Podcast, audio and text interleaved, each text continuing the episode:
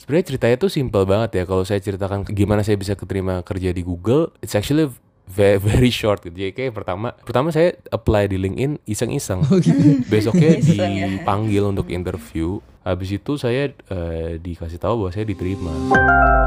iNext, a podcast brought to you by Ikama. Halo semuanya, selamat datang di episode kedua dari iNext. Kembali lagi bareng aku Tara dan teman aku Adi sebagai host yang bakal nemenin kalian untuk ngobrol-ngobrol bareng speaker yang pastinya seru banget nih.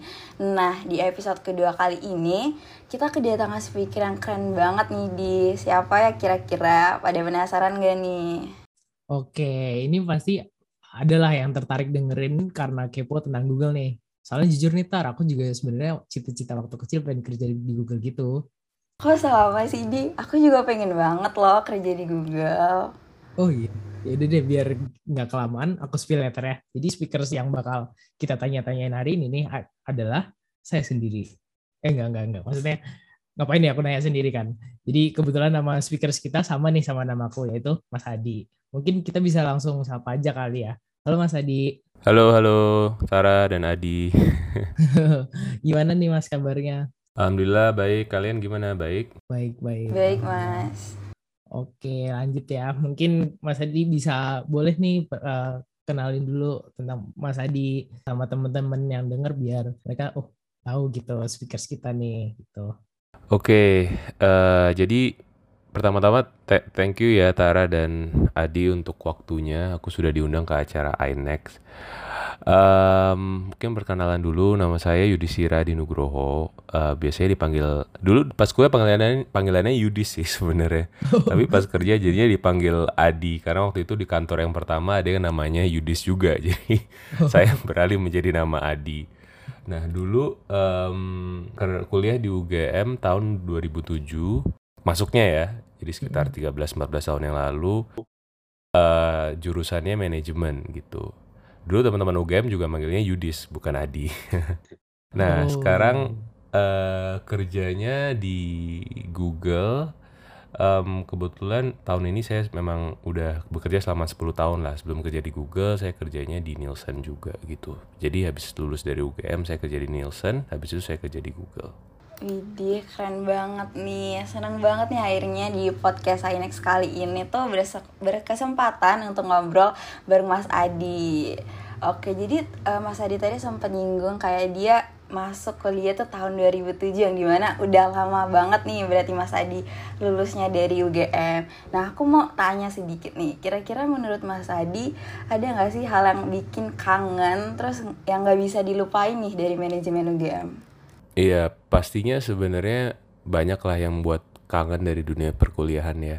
eh yang pertama pasti dari Jogja itu sendiri gitu. Em, saya saya kebetulan asalnya dari Jakarta dan ketika ke Jogja itu bener-bener suasananya beda Em, dan kesan-kesan sederhana dan kesan bersahajanya itu masih kuat banget di Jogja gitu dan saya, saya mungkin sekarang juga hopefully masih ya walaupun Jogja sudah jauh lebih maju dan lebih berkembang dibandingkan pas zaman aku dulu di 2007. Nah, kalau dari manajemen UGM sendiri sebenarnya yang paling em, bikin kangen itu ada dua. Pertama, eh, beberapa dosen ya yang saya merasa beruntung banget dan merasa terima kasih banget sudah eh, diberi kesempatan untuk di apa ikutan di kelas-kelas dosen-dosen yang yang saya suka gitu. Contohnya manajemen pemasaran, dosennya Ibu Naila Zulfa namanya. Justru itulah yang membuat saya suka banget sama pemasaran karena saya mungkin berada di kelas yang tepat dengan do- dosen yang tepat gitu dan dan uh, hopefully banyak teman-teman yang sekarang lagi kuliah juga uh, mengalami apa pengalaman yang sama juga. Yang kedua teman-teman sih pastinya karena uh, dari kecil sampai SMA saya selalu ada di Jakarta saya nggak pernah ketemu dengan uh, orang-orang lain yang dari daerah-daerah yang lain. Di Jogja saya bertemu dengan teman-teman dari berbagai macam daerah dari berbagai macam background dari berbagai macam eh, kelas sosial gitu ya yang kita sama-sama masuk dalam suatu eh, kelas yang sama. Dan itu benar membuka mata saya sih yang tadinya em, apa sangat uh, mungkin bisa dibilang lumayan sempit ya karena kita bergaul dengan orang itu itu aja terekspos sama hal yang sama aja terus gitu selama dari kecil sampai SMA sekarang saya melihat hal-hal baru gitu. Saya melihat bahwa uh, apa namanya banyak uh, hal yang kita itu bisa pelajari dari orang lain gitu.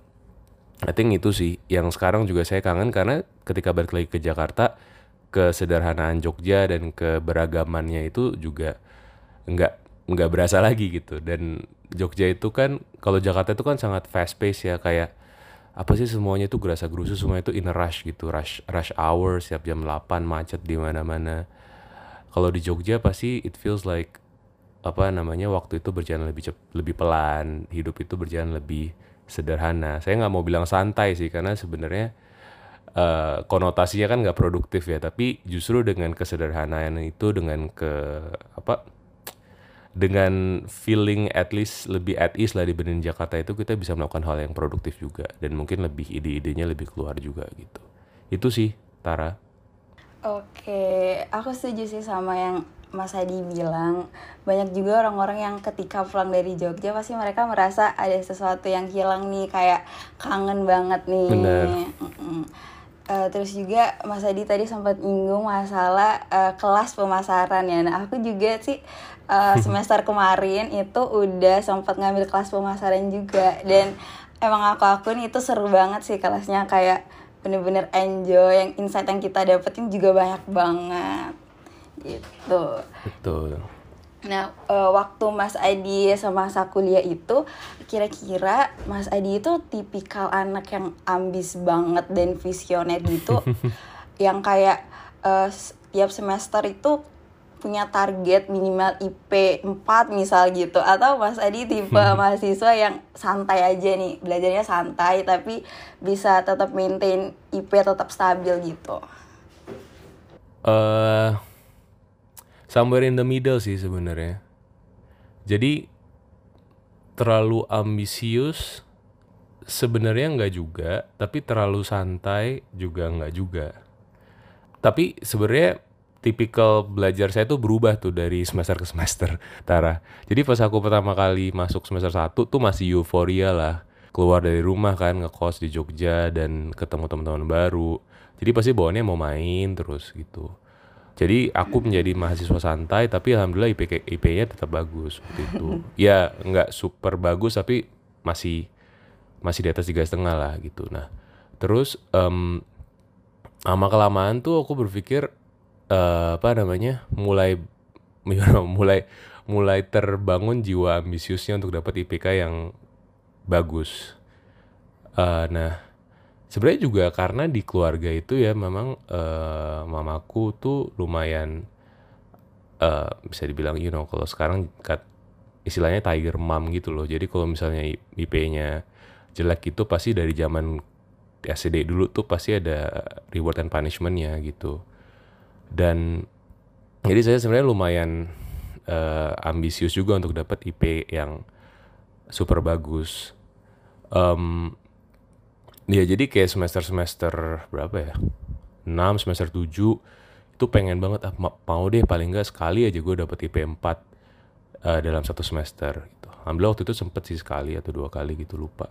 Apa namanya? Uh, ya gitu. Tapi kalau now that I reflect lagi ya, sebenarnya IP itu ketika udah jadi lulus kuliah ya cuman buat masuk ke dalam bursa interview aja, tapi nggak it will not guarantee you a job juga sih sebenarnya.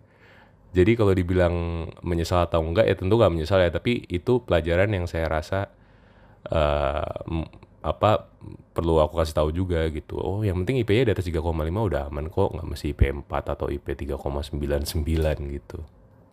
Gitu sih Tar. Oke, oke, oke. Tapi Mas Adi keren banget sih. Ada satu ketika yang di mana Mas Adi akhirnya berhasil nih dapat IP 4 di mana itu pasti susah banget kan ya. Betul. Dapat IP 4. Event online aja susah ya. Iya betul Online aja susah banget loh Apalagi Mas Adi yang offline Yang bener-bener uh, ujian yang ngerjain sendiri gitu keren, iya waktu itu apa ya lupa semester berapa tar aku juga nggak nyangka sih cuman Eh, karena sebenarnya waktu itu lumayan ini sih, lumayan kesel juga kayak ada misalnya waktu itu IP-nya berapa ya lupa. Nyerempet-nyerempet gitu, cuman ada satu yang A minus. Terus aduh masa sih nggak bisa. Jadi saya sempat di masa saya lumayan obses sama IPK. Akhirnya eh, dapat juga gitu untungnya. Tapi keren sih Mas Adi udah punya target terus akhirnya berhasil ngedapetin targetnya. Oke, eh, kalau boleh tahu nih dulu Mas Adi ambil konsentrasi apa nih? Eh, pemasaran. Jadi sebenarnya dulu tuh konsentrasi utama saya pemasaran karena memang itu yang saya suka pemasaran. Nah, tapi kan tadi aku juga sudah sampaikan bahwa ibu saya kan tiger mom ya. Pokoknya dia eh, vokal banget dia dengan apa yang menurut dia bagus dan saya paling nggak harus coba itu. Dan menurut dia karena dia kerja di bank. Jadi dia suruh saya ambil finance gitu. Em, jadi ya udah saya ambil pemasaran dan finance. Tapi sebenarnya saya juga lumayan suka finance karena saya lumayan suka hitung-hitungannya sih gitu. Jadi ada dua dua konsentrasi. Hmm, Oke, berarti kalau yang dari marketing itu bener-bener eh, pilihan dan interest yang Mas Adi, terus yang finance itu saran dari ibunya Mas Adi gitu ya? Iya betul. Oh iya, pas di tahun-tahun terakhir Mas Adi kuliah nih sebagai mahasiswa manajemen, eh, Mas Adi itu sebelumnya udah tahu belum sih mau kerja di mana gitu atau udah nentuin tempat kerjaan yang mau di-apply atau eh, sebenarnya Mas Adi itu udah ada persiapan tertentu kah supaya pas lulus kuliah langsung bisa dapat kerja gitu? Jawabannya enggak semua sih. Jadi enggak ada. Kayak karena saya terlalu obses sama IP tadi sih sebenarnya. Jadi enggak kepikiran gitu ke depannya mau kerja apa. Em, jadi baru kepikiran itu karena FOMO orang-orang yang lain tuh udah eh gue kayak aku kayak pengen kerja di sini. Udah cari-cari lowongan pekerjaan apa gitu ya.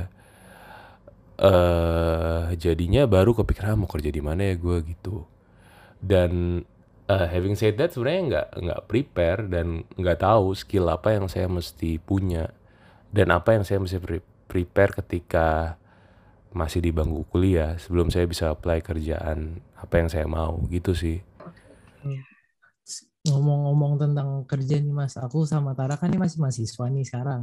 Nah, masih kita juga masih semester 3 nih sekarang nih. Terus kita ah, belum aku aku sendiri sih belum kebayang banget nih kalau nyari kerja itu sesulit apa. Nah, menurut Mas Adi itu eh, hal terpenting dalam mencari pekerjaan itu apa Mas ya? bener kalau pertanyaan eh Adi tadi apa kerja itu sesulit apa sebenarnya sulit-sulit gampang sih Em, kalau pengalaman saya dulu pasti lah ada ada apa la- lamaran pekerjaan saya yang saya ditolak ada yang diterima gitu ya Hmm. Ja- saya of course nggak selalu diterima sama apa yang saya mau eh, ketika saya eh, apa melamar gitu tapi kalau yang pertanyaan yang paling penting untuk eh, melamar mencari pekerjaan itu sebenarnya pertama em, menurut saya pertama tuh kamu mesti tahu dulu apa sih yang kamu suka gitu Eh, karena itu nanti akan tercermin dari bagaimana kamu menjawab pertanyaan pada saat interview. Kebetulan saya kan eh, saya udah lumayan eh, apa ada beberapa pengalaman lah untuk em, menginterview orang, both ketika saya di Nielsen atau di Google.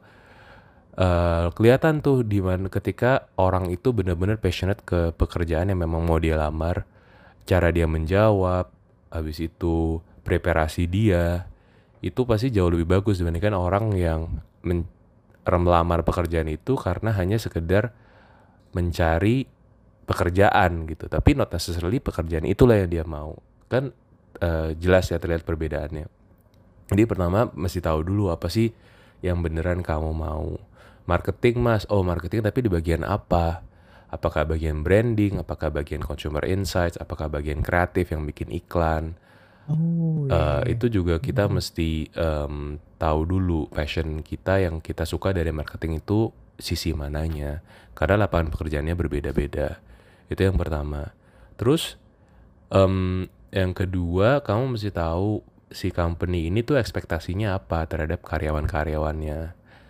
Inilah yang sebenarnya agak susah untuk diakses informasinya bagi para mahasiswa kan. Karena kan itu informasi itu sayangnya nggak tersedia gitu secara online atau nggak semua company mengutarakan apa yang sebenarnya dia cari.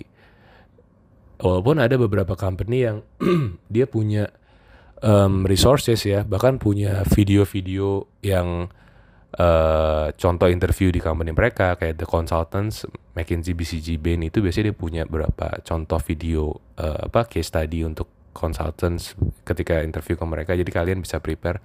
Tapi sayangnya nggak semuanya kayak gitu gitu.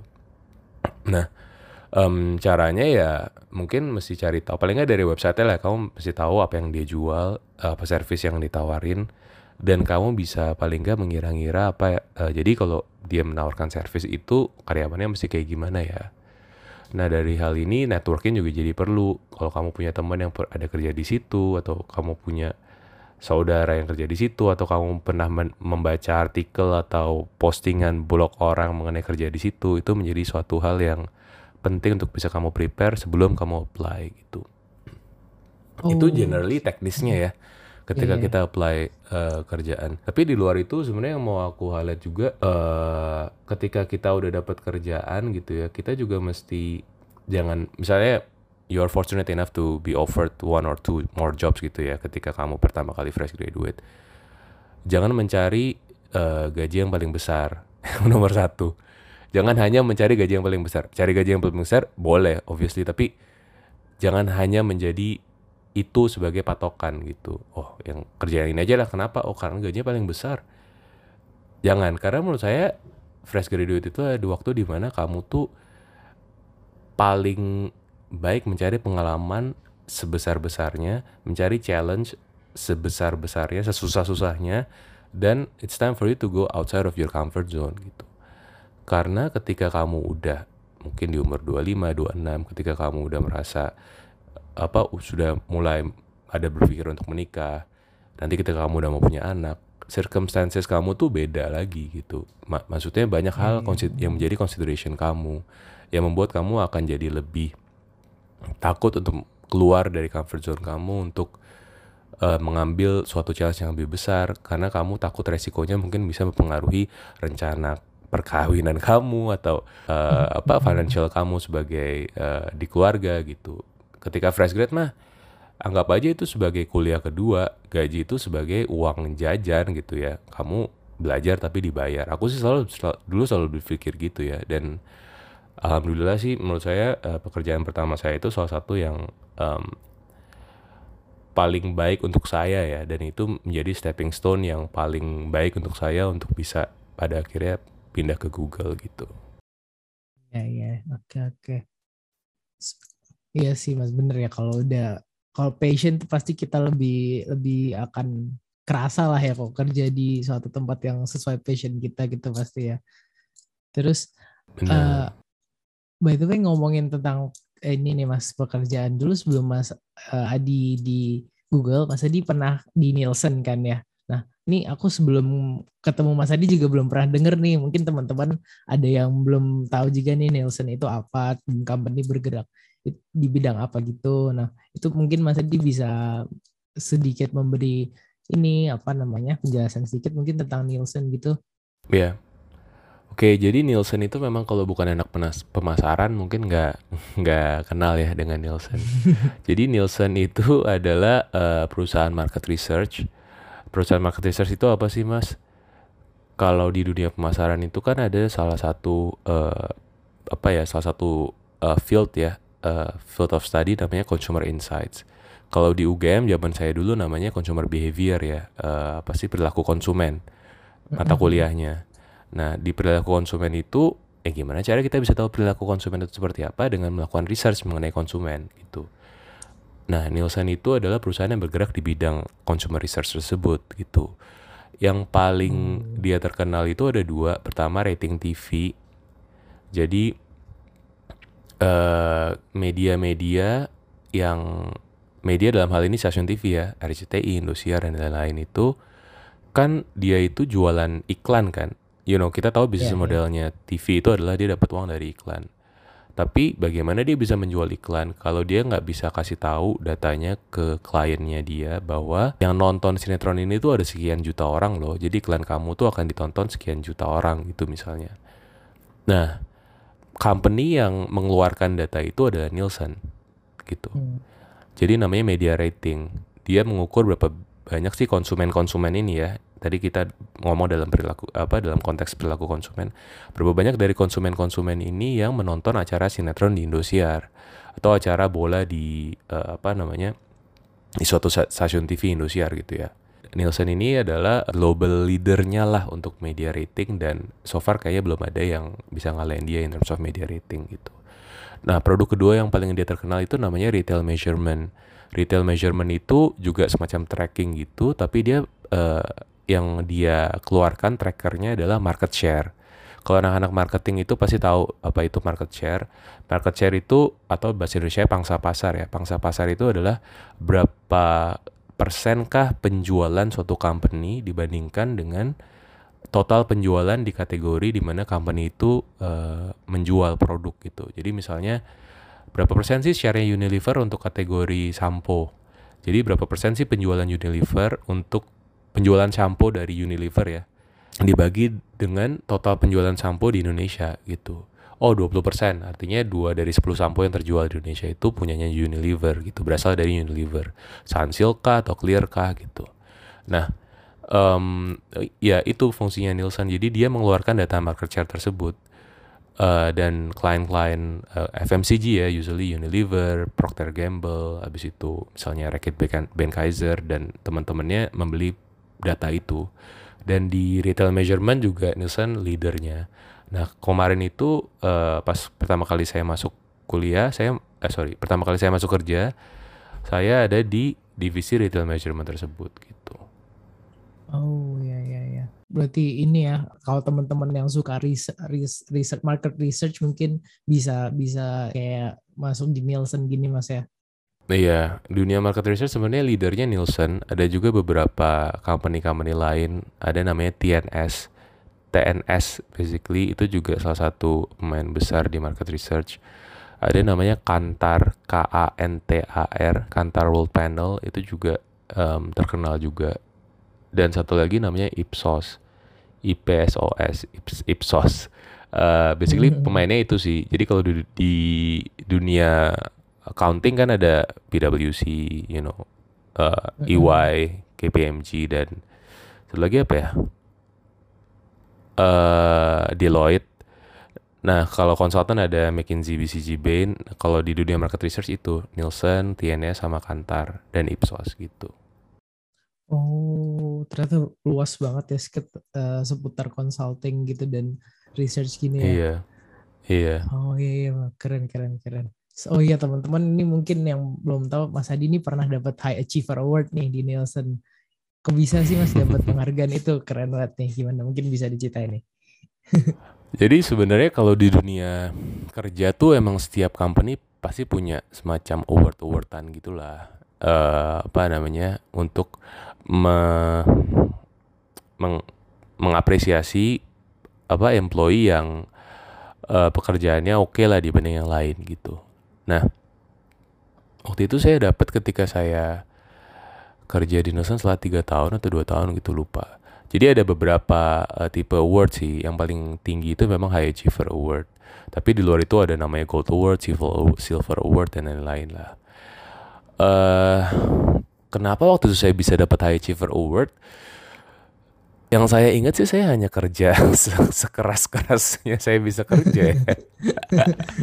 uh, karena kalau di Nielsen itu zaman saya kerja dulu di Nielsen adalah um, KPI-nya ya. Apa sih yang diukur keberhasilan saya?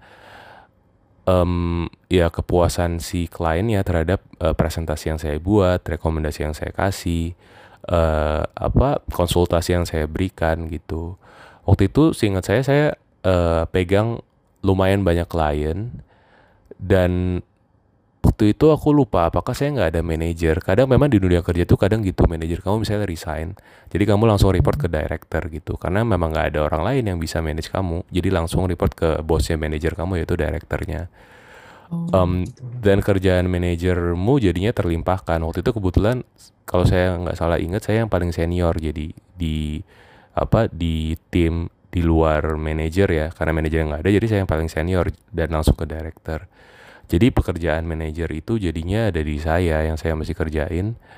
Dan uh, alhamdulillah waktu itu saya bisa kerjain dengan bagus dan banyak klien yang appreciate juga gitu. Dan I think mungkin itu kenapa saya bisa dapat Achiever Award. Uh, jawaban pastinya kenapa saya nggak tahu karena kan memang nggak diutarakan ya kenapa ya dapat tapi itu yang saya ingat sih itu yang saya rasa lakuin gitu Oke, keren banget nih. High achiever loh, Tar. Gimana tuh? Tertinggi tadi katanya kan ya. Oke nih, tadi Mas Adi kan udah cerita nih tentang pengalaman kerja di Nielsen. Nah, terus sekarang kita beranjak nih ke perusahaan yang sedang Mas Adi jalanin sekarang, yaitu Google. Nah, pasti teman-teman juga banyak yang kayak, wah Google gitu kan. Biasanya kalau masih anak SMA, anak kuliah kayak lihat kerja di Google keren gitu kan. Nah, gimana sih Mas ceritanya bisa bisa dulu keterima di Google gitu mas? Uh, sebenarnya ceritanya tuh simple banget ya kalau saya ceritakan kenapa saya kenapa saya gimana saya bisa keterima kerja di Google it's actually very, very short gitu jadi kayak pertama to be fairness pertama saya apply di LinkedIn iseng-iseng saya apply di. LinkedIn habis itu ya. besoknya dipanggil untuk interview terus uh, oke okay, saya interview interviewnya waktu itu berapa kali ya empat atau lima kali gitu saya di interview uh, ya. terus hmm. iya tapi memang di Google tuh dulu banyak banget ada yang sembilan kali di interview ada yang hmm. enam kali kebetulan waktu itu saya lima atau enam kali saya lupa habis itu saya uh, dikasih tahu bahwa saya diterima. Um, prosesnya tapi memang panjang di Google sekitar tiga bulan empat bulan lah dari pertama kali saya interview awal sampai saya diterima gitu. Um, tapi semuanya interview jadi memang nggak ada proses kayak apa tertulis um, apa namanya apa sih psikotes ya kalau yang fresh hmm. graduate gitu kadang suka ada psikotes. Di Google nggak ada sih atau tes tes yang kayak matematika yang kamu mesti kerjain. Eh, nggak uh, ada. Dan I think karena experience saya ya karena saya memang sudah pernah kerja sebelumnya jadi mungkin itu udah nggak di udah nggak di apa udah nggak di, begitu diperhatikan. Yang, yang lebih diperhatikan itu interviewnya. Nah uh, di proses interview itu sebenarnya banyak hal yang memang di measure uh, yang yang yang mereka mau coba dites uh, kepada saya gitu. Pertama ada yang namanya GCA GCA itu General Cognitive Ability. General Cognitive Ability itu cara measure-nya gimana sih mas?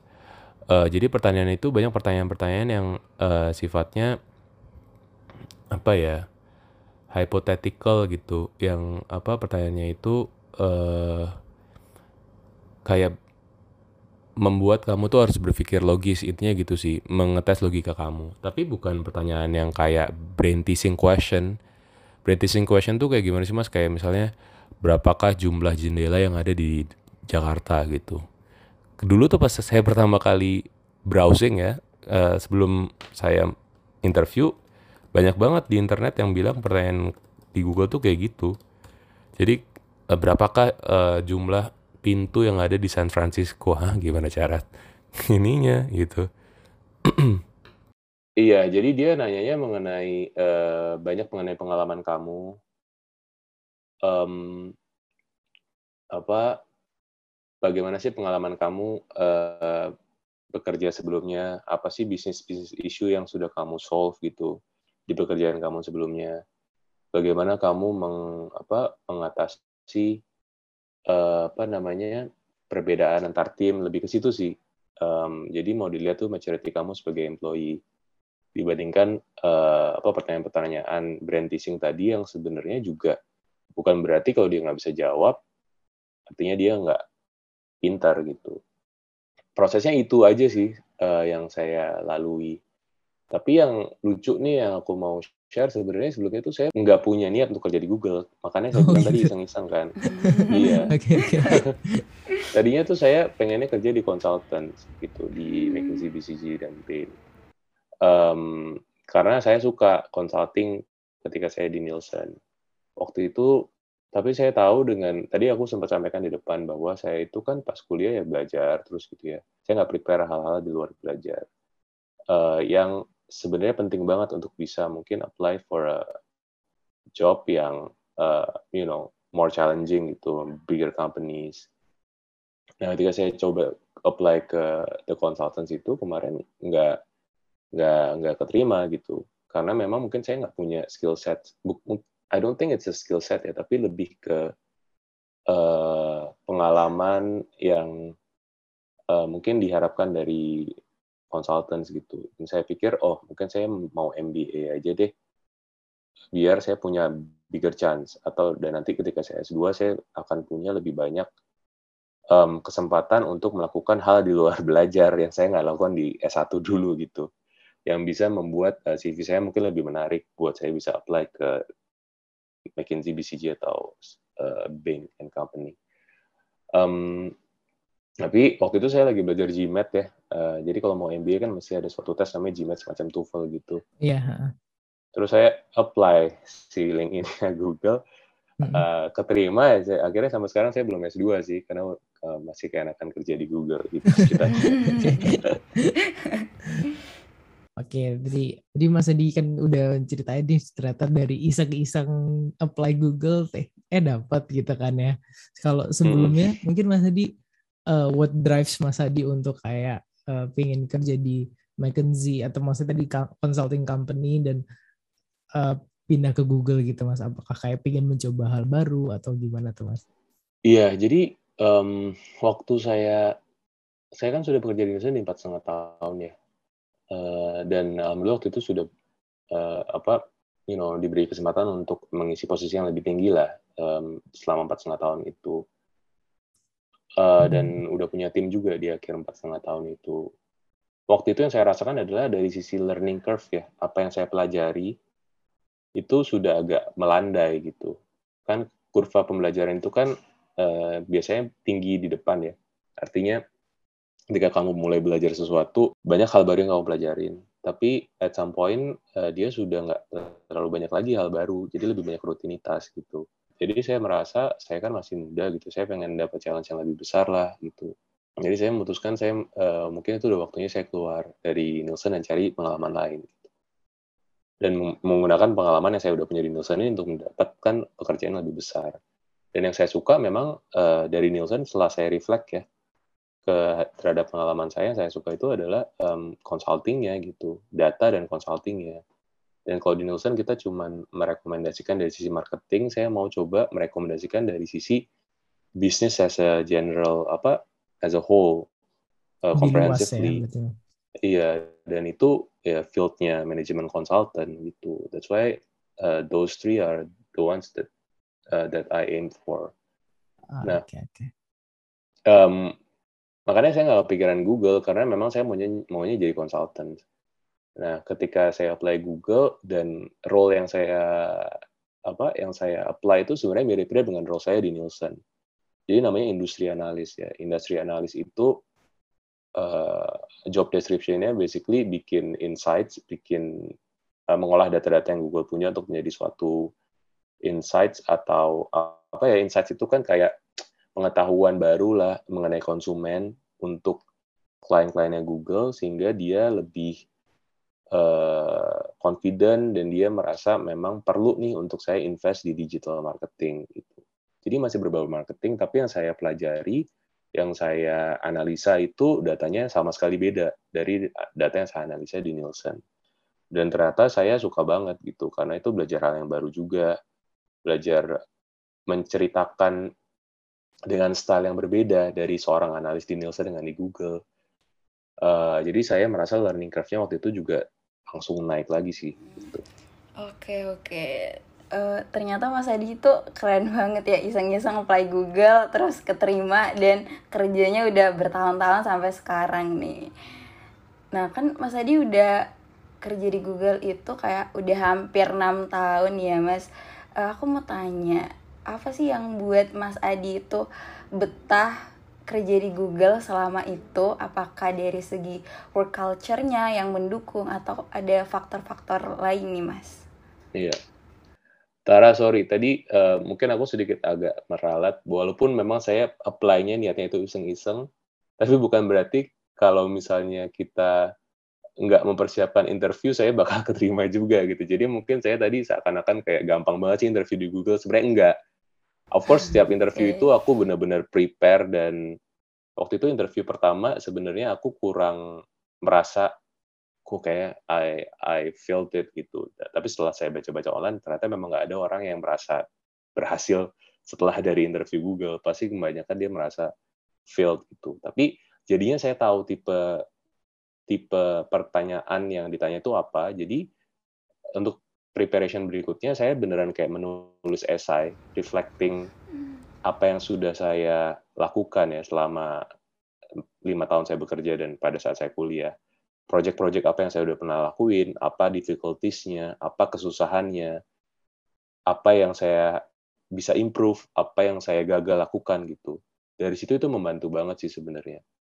Jadi ketika ditanya, saya udah punya referensi nih, oh saya bisa membawa uh, pengalaman saya yang ini nih, pas saya project di Nielsen kemarin untuk klien A misalnya gitu. Karena ini pengalamannya rich banget, dia punya berbagai macam complexity yang saya bisa highlight dan itu menunjukkan maturity saya sebagai seorang employee dan saya bisa problem solving dan dan lain-lain gitu. Jadi niatnya iseng tapi ketika saya udah dapat interview, I feel like actually I'm fortunate enough karena banyak banget teman saya yang juga apply tapi bahkan nggak dapat interview pertama. So I wanna, you know, I did want to make the best of it sih waktu itu. Nah balik lagi ke pertanyaan kamu yang uh, kenapa bisa betah kerja di Google selama enam tahun? Um, iya, salah satunya karena working culture-nya juga benar. Karena uh, working culture-nya di Google itu um, pertama it's a very flat organization ya. Jadi kayak akses kamu ke bosmu atau bahkan bos punya bos kamu itu sangat enak gitu, sangat sangat flat. Artinya nggak ada hierarki yang menghalangi kamu untuk melakukan hal tersebut. Nah, um, sehingga saya merasa saya bisa belajar dari uh, banyak orang yang lebih senior daripada saya. Terus antar divisi, antar tim itu juga sangat blending, kolaboratif banget. Artinya saya bisa belajar juga dari banyak orang dan saya bisa uh, melakukan hal yang uh, lebih besar karena kita bisa bekerja sama dengan orang-orang yang hebat-hebat ini gitu dibandingkan saya sebagai individual kontributor gitu. Itu nomor satu. Terus nomor dua, Google itu punya suatu um, moto ya bahwa kita itu selalu harus think big gitu. Think bignya Google itu sama dengan kita mesti berpikir itu 10 kali lipat dibandingkan yang apa kita punya sekarang, apa yang kita achieve sekarang. Jadi kita nggak boleh cuma berpikir incremental. Incremental itu apa sih mas? Incremental itu kayak plus 10%, plus 20%. Itu incremental. Kenaikan kecil aja gitu. Tapi kita mesti berpikir itu 10 kali itu paling enggak tiga kali empat kali lah kalau bisa 10 kali tapi jangan datang dengan plan hanya achieve lebih dari 10 persen 20 persen gitu um, dari situ itu learning curve-nya jadi besar banget. Karena menurut saya yang buat orang betah di suatu tempat ya dan merasa enggak mundane mundane itu apa sih? Kayak bosen ini apa sih ini ini aja gitu rutinitas gitu ya. Um, adalah ketika dia belajar terus hal baru, ketika dia dapat challenge terus yang baru. Dan di gue ketika kamu disuruh selalu berpikir 10x, artinya setiap waktu kamu harus push yourself to bigger, uh, to do bigger things kan. Yang mana itu membuat kamu merasa uncomfortable sebenarnya, tapi excited at the same time gitu. Di Google juga yang tadi aku bilang uncomfortably excited itu juga suatu jargon yang memang uh, sengaja dibuat kayak gitu. Karena kalau kamu nggak feeling uncomfortable, kamu akan berpikir outside the box gitu. Kamu nggak akan push yourself to your limit gitu. Karena kamu, kalau nggak kamu santai aja. Nah, uh, tapi kalau kamu nggak excited about the goal yang kamu mau achieve, kamu jadinya demotivated kan. Ah, ini terlalu susah.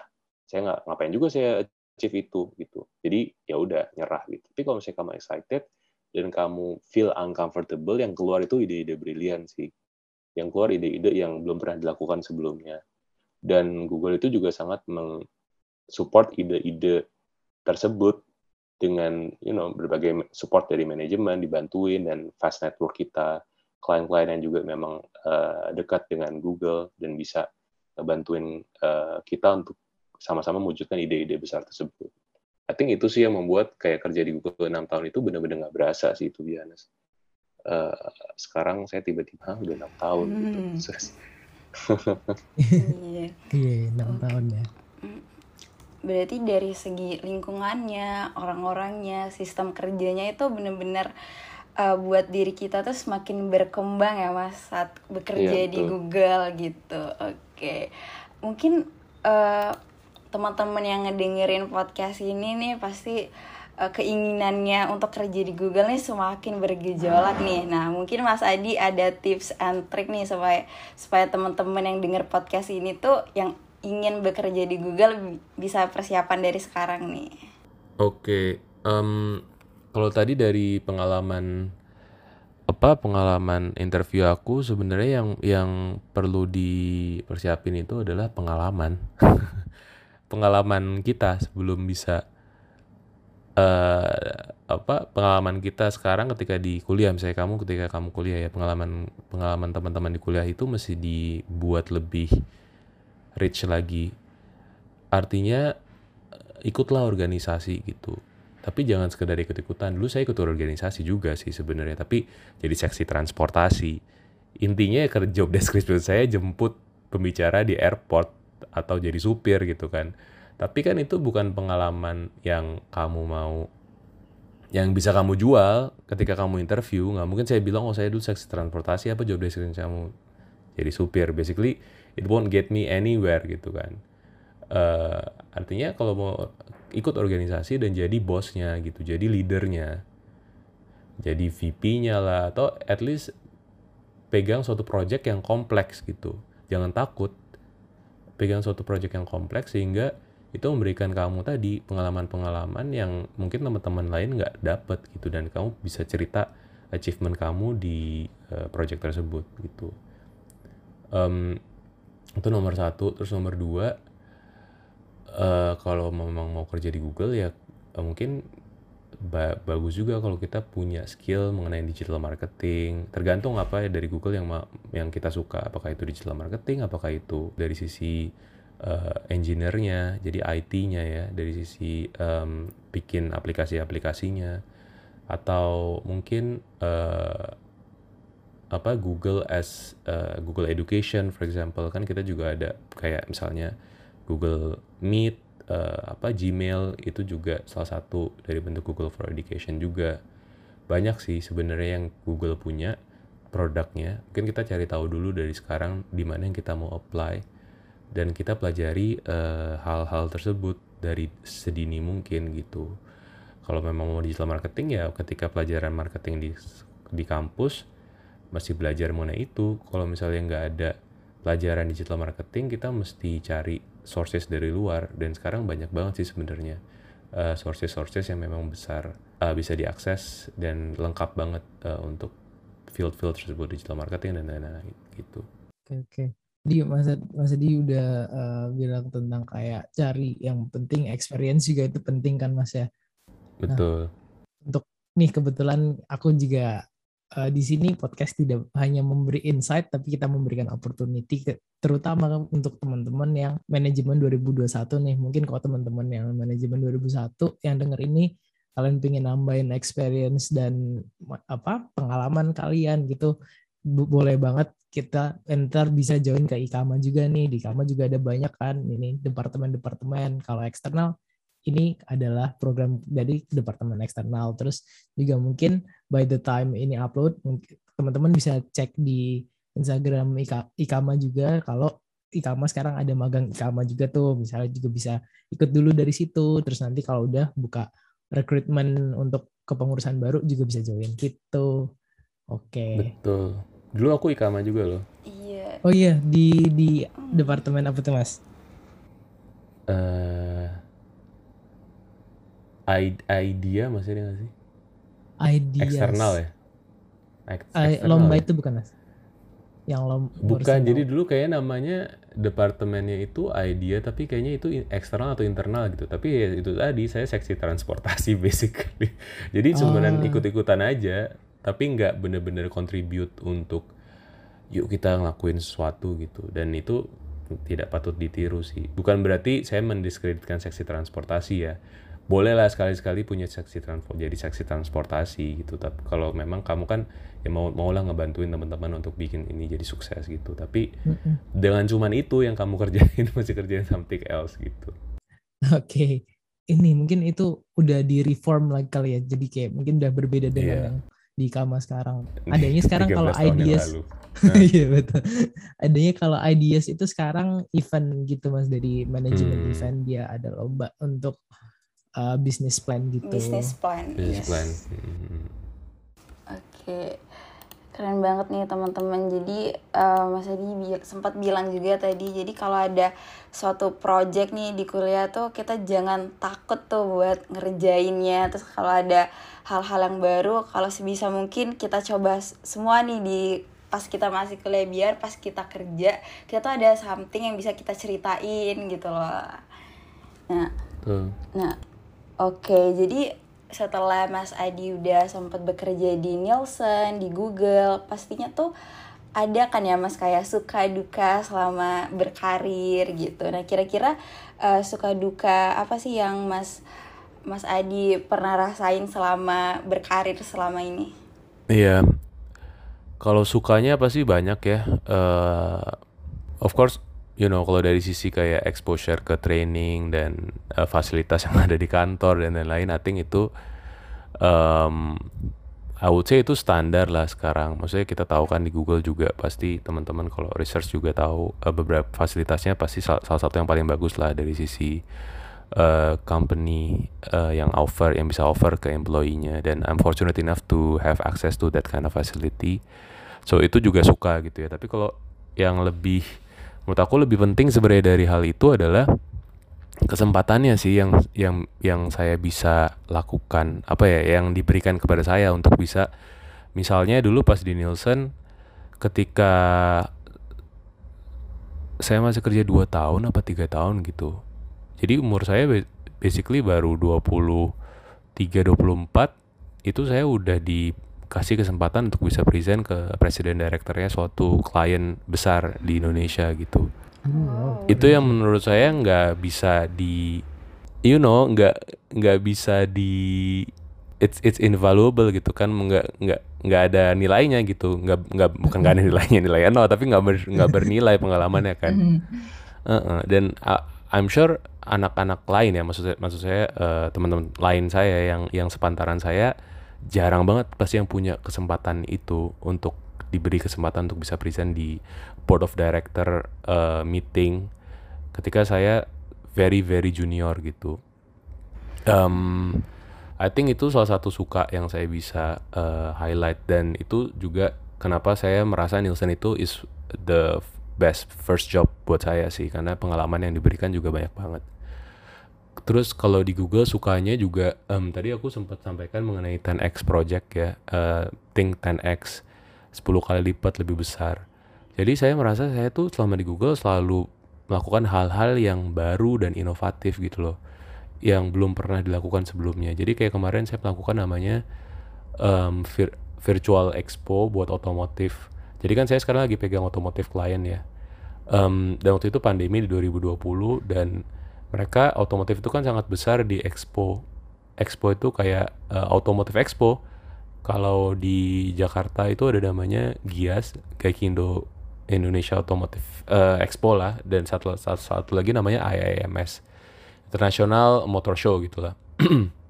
Tapi semuanya nggak ada karena pandemi.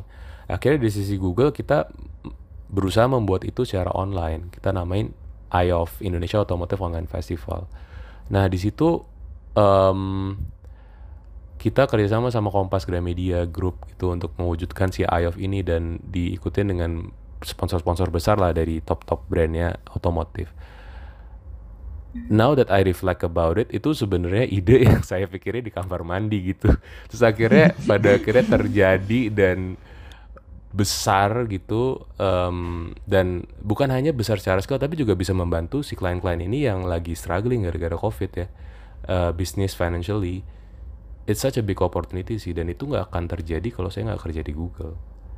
Karena ya tadi resources boro-boro bisa itu terjadi. Maksudnya bos saya pun nggak akan dukung kalau mungkin saya bukan kerja di Google. Pasti kayak ngapain ngajain kayak gitu untuk klien otomotif yang sekarang mungkin juga financially lagi eh, pressured. Pasti kan dia secara budget marketing juga nggak ada. Mungkin kayak gitu ya atau kalaupun saya nggak datang dengan kacamata Google atau dengan topi Google ya saya orang Google loh klien juga akan say yes gitu. Karena trustnya tuh sebesar itu dan saya merasa bahwa trust yang my client sekarang berikan karena saya itu anak Google itu suka atau opportunity yang juga sama sama invaluable sih nggak nggak bernilai gitu.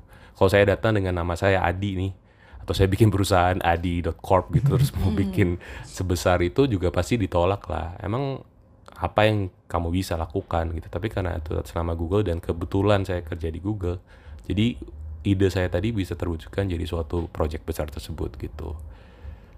Itu sukanya. Kalau duka sih sebenarnya banyak lah ya.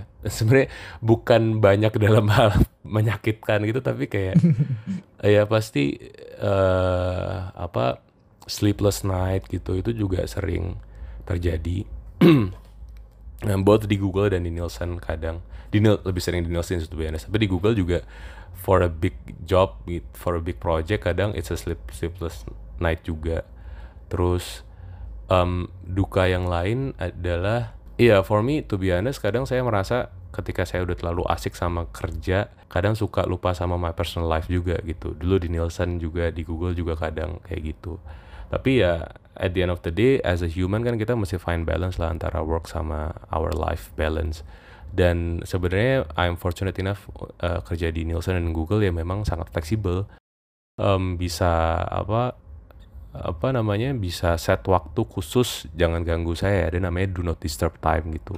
Saya mau nemenin anak saya sekolah nih gitu. Dan kalau itu saya bisa block in my calendar untuk orang nggak boleh uh, bikin meeting saya di situ dan bahkan saya juga bisa bilang ke klien saya cari waktu lain aja yuk karena aku waktu itu uh, karena aku lagi ada uh, busy nih with something else gitu so itu sih basically yang aku rasain uh, Tara oke okay, oke okay. uh, tentunya nih mas ya setelah berkarir ini mas uh, pernah mengalami suka dan duka dan setelah melewati ini tentunya pasti mas Adi pernah ada nih kayak pengalaman yang uh, paling bikin bangga selama berkarir. Kira-kira apa tuh Mas pengalaman yang selama berkarir ini uh, yang paling bikin bangga Mas Adi sendiri tuh? Iya, kalau um, kalau saya meng mereflek lagi pengalaman saya sebenarnya yang paling bikin saya bangga itu adalah ketika apa yang saya lakukan itu si klien beneran kerjain ya yang saya apa yang saya tawarkan ke klien yang saya rekomendasikan itu klien bener-bener kerjain dan mereka bisnisnya growing karena hal yang saya rekomendasikan. Ya salah satunya si Indonesia Automotive Online Festival tadi Virtual Auto Expo yang tadi saya ceritakan. Itu definitely juga one of my biggest uh, my proudest moment karena ide saya bisa terjadi dan itu menjadi uh, suatu um, apa ya suatu angin segar di pada saat pandemi buat klien-klien saya gitu. Di luar itu juga banyak smaller smaller project yang klien juga sangat appreciate gitu karena actually it really helps their business especially during hard times kayak pandemi sekarang. Di Nielsen juga ada beberapa rekomendasi saya yang klien juga lakuin dan actually it works gitu. So I think emang um, passion saya itu marketing tapi sebenarnya yang saya suka itu adalah consultingnya itu sih. Um, saya suka ketemu banyak orang, saya suka ketemu orang-orang baru. Saya suka ketika orang itu datang ke saya dengan masalah yang saya bisa berusaha untuk solve. Uh, dan ketika masalah itu solve, that's the proudest moment sih for me. Oke. Okay. Last last question nih mas, uh, aku kayak banget. Ini pasti tiap orang punya jawaban berbeda-beda karena kan ini Mas Adi udah lebih dari 10 tahun nih berkarir kan ya Terus uh, what are the things that you wish you know when you were in college, Mas? Biar mungkin ada kita kita juga bisa jadi reflection kayak oh kita juga bisa nih ngelakuin ini dari, mulai dari sekarang gitu-gitu. Iya. Kalau sebenarnya kalau aku personally memang itu pertanyaan yang uh, ini yang aku mau jawab nih I, I wish I knew ketika saya kuliah karena dulu pas saya kuliah banyak banget ya saya nggak tahu di dunia pekerjaan um, bahkan di luar dunia pekerjaan juga ya kayak kehidupan tuh gimana sih di di usia kamu di setelah kuliah gitu. Pertama, um, I wish I knew that di apa namanya di di dunia kerja itu satu tadi butuh di selain akademis. Akademis itu just a checklist sebenarnya. Dari so many checklist yang interview apa uh, orang recruiter tuh cari dari suatu employee gitu. Oh, IP-nya bagus checklist. And then yang lain gimana? Oh, nggak nggak ada nih organisasi skill nggak ada. Nggak pernah ikut lomba, nggak pernah ikut HMN UN, nggak pernah ikut whatever uh, apa namanya opportunity yang sebenarnya exclusively dikasih buat mahasiswa gitu. Itu um, satu hal yang saya I wish I knew when I were in college. Terus nomor dua, um, I knew it sih sebenarnya dulu tahu dulu passion kamu apa. Tadi aku juga sudah sampaikan di depan. Tapi banyak juga sebenarnya uh, teman-teman kuliah yang belum tahu passionnya apa, masih bingung antara passion ini sama passion yang lain gitu. Biasanya sih tips yang saya juga belajar ya dari online, yaitu ada suatu author namanya uh, Simon Sinek gitu. Um, dia itu bilang kita tuh mesti find our why. Find our why itu apa sih maksudnya? Uh, kita mesti tahu mengapa kita tuh ada gitu. Ini filosofis banget tapi maksudnya kenapa kita mesti kenapa kita ada di di lingkungan kita gitu. What is our role in di in our environment? Kalau dari situ tuh artinya kita nanti bisa jadi tahu apa yang sebenarnya kita tuh good at gitu. Jadi ada satu, salah satu namanya best friend test yang aku belajar dari Simon Sinek jadi kamu telepon uh, one of your closest friends lah, your best friends, terus tanya, eh saya bro atau sis, kenapa sih bro, kok lo temen sama gue gitu? Why, why, why are we best friends? Pasti dia bilang, oh karena kamu uh, baik atau kamu selalu ada buat gue ketika gue lagi susah, bla bla. Tanya lagi, iya tapi kan itu what best friends do, tapi itu nggak specifically nanya ke gue. It, it doesn't specifically uh, describe me as a individu gitu tanya lagi why why why? Why terus? Gitu. Sampai pada akhirnya dia menjawab uh, kenapa yang bener-bener kamu? Gitu. Nah I've tried that with my friends. Uh, yang consistently keluar itu adalah dia bilang bahwa um, kalau saya itu ketika orang itu ngomong sama saya dia merasa inspired gitu. Dia merasa uh, gue jadi kayak pengen ngerjain suatu hal yang lebih besar gitu gue jadi kayak pengen eh, ide-ide baru tuh muncul habis ngobrol sama lu. Makanya uh, I like being friends with you basically kayak gitu. Itu sebenarnya salah satu hal yang membuat saya mengerti bahwa passion saya itu memang di consulting gitu. passion saya itu it's actually my why gitu. It's actually why I am here gitu di environment yang saya ada sekarang gitu. I think uh, kalau kita bisa tahu itu dari awal jadinya nanti kamu jadi lebih yakin sama apa yang kamu mau lakukan for the next uh, 10 years of your life gitu ketika setelah kuliah. Um, terus nomor tiga, don't forget to have fun sih during college. Karena that's the only time yang kita bisa uh, have fun uh, dengan tanpa banyak tanggungan dan pikiran. Karena kan ya di kuliah mungkin kamu masih kerja sama orang, sorry, masih tinggal sama orang tua, masih dapat uh, uang tambahan gitu ya. Sorry uang uang jajan dari orang tua gitu. Jadi ya of course kita um, mesti belajar tapi sebenarnya uh, juga jangan lupa to have fun gitu uh, untuk ke depannya. Gitu sih. Work life balance juga ya berarti iya benar benar benar. Oke.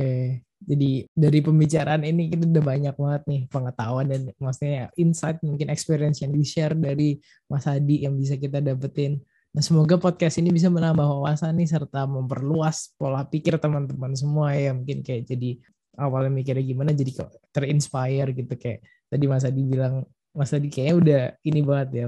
Consulting sudah mendarah daging ya iya, betul betul betul. Oke. Kalau teman-teman semua ada kritik dan saran atau rekomendasi speaker podcast yang pengen banget kalian request, boleh banget nih buat message ke Instagram Ikama di @ikama_fbugm atau mungkin boleh banget nih buat DM ke Instagram kita juga kali ya di @natara dan @adi underscore jogrek. Dan juga uh, kita ingin berterima kasih banyak nih buat Mas Adi karena udah meluangin waktunya untuk uh, sharing-sharing pengalaman-pengalaman menariknya di podcast iNext kali ini. Iya, uh, Tara dan Adi, sorry Uh, sama sekalian aku juga mau menyampaikan I think Tara sama Adi kan juga salah satu yang waktu itu sudah pernah ikutan program mentorship saya ya. Jadi kemarin itu saya sekarang tuh memang lagi bikin mentorship eh, program buat teman-teman yang memang mau eh, you know nanya-nanya lebih lanjut atau em, consult mengenai kuliah, dunia perkuliahan, mau ngelamar kerja atau mungkin punya bisnis-bisnis kecil yang perlu belajar digital marketing at- atau consumer insight. Em, aku sebenarnya sekarang juga lagi buka personal mentoring. Em, rencananya akan buka terus sampai akhir tahun gitu. Nah, kalau mau apply, em, mungkin bisa buka my LinkedIn, terus message saya di situ. Namanya Yudhistira, LinkedIn saya Yudhistira Adi Nugroho. Lihat aja yang industri manager Google. Kebetulan nama saya lumayan pasaran, jadi ada beberapa Yudhistira Adi Nugroho di situ. Eh, add aja LinkedIn-nya, terus nanti kita bisa chat di situ untuk eh, menjadwalkan apa personal mentoring sessionnya. Gitu. Betul banget teman-teman. Kemarin aku juga personal mentor sama Mas Adi nih. Keren sih. Kalian kalau misalnya tertarik bisa langsung ntar catch ke uh, Mas Adi lewat LinkedIn ya. Oke. Iya, betul banget. Oke deh. Mungkin segitu dulu untuk podcast episode kedua dari iNext kali ini. Semoga bisa bermanfaat bagi teman-teman semua ya. Dan tunggu episode selanjutnya. Karena INEX adalah Ikama, Dan dengan Ikama, we share, we share to to inspire. inspire. Dadah. Dadah. Bye bye.